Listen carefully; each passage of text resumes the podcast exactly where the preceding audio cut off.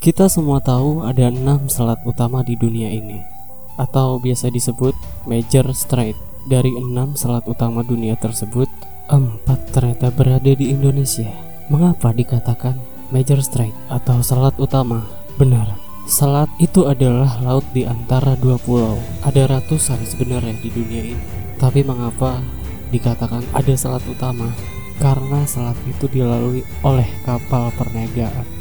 Jalur niaga tersebut memberikan julukan sebagai Major Strait. Dari enam selat tersebut, nomor satu ada di wilayah Indonesia, yaitu Selat Malaka. Sekali lagi, dari enam selat penting dunia tersebut, empat berada di Indonesia, di mana kita ketahui terusan Panama, terusan Suez, itu adalah selat yang di luar Indonesia. Tetapi Tahukah kita bahwa Selat Malaka adalah selat yang dilewati lebih dari 100 ribu vessel atau kapal niaga besar setiap tahunnya. Dan selat ini merupakan selat terbanyak dilintasi kapal sehingga dikatakan sebagai selat nomor satu di dunia.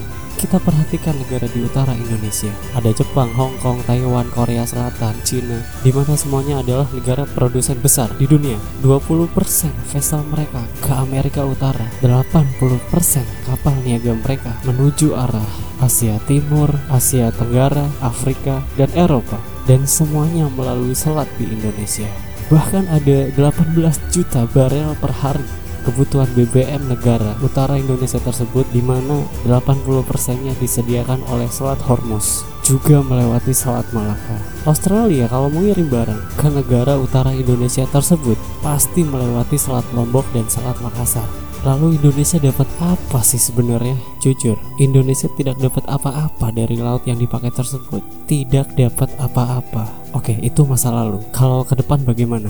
Bagaimana kalau kita kendalikan selat itu sebagai aset bangsa? Peraturan internasional tidak ada yang mengatur negara archipelago seperti wilayah Indonesia, seperti wilayah negara-negara Pasifik Selatan. Kita peraturan internasional itu selalu mengacu pada aturan kontinental atau daratan. Kita harus ubah wilayah laut selat Indonesia sebagai wilayah Indonesia dan Indonesia memutuskan misalnya menutup laut tersebut. Apa yang terjadi? Dunia bisa geger. Australia lewat Papua Nugini kalau mau kirim barang ke utara empat negara utara Indonesia Cina, Jepang, Korea, Taiwan muter lewat Papua Nugini tidak usah pakai Selat Malaka nggak bisa masuk lewat Natuna atau kalau mau ya melipir lewat sisi Thailand dan melipir lewat sisi Malaysia di Selat Malakanya Pokoknya kalau mau melewati wilayah Indonesia, bayar asuransi senilai 1% dari nilai barang. Kita tahu barang yang lewat tersebut ada lebih dari 2 triliun dolar atau 2000 billion. Jadi kalau itu kita asuransikan atau kita pajakin versi kita dengan nama asuransi, kita mendapatkan lebih dari 250 triliun per tahun dan ini untuk devisa negara.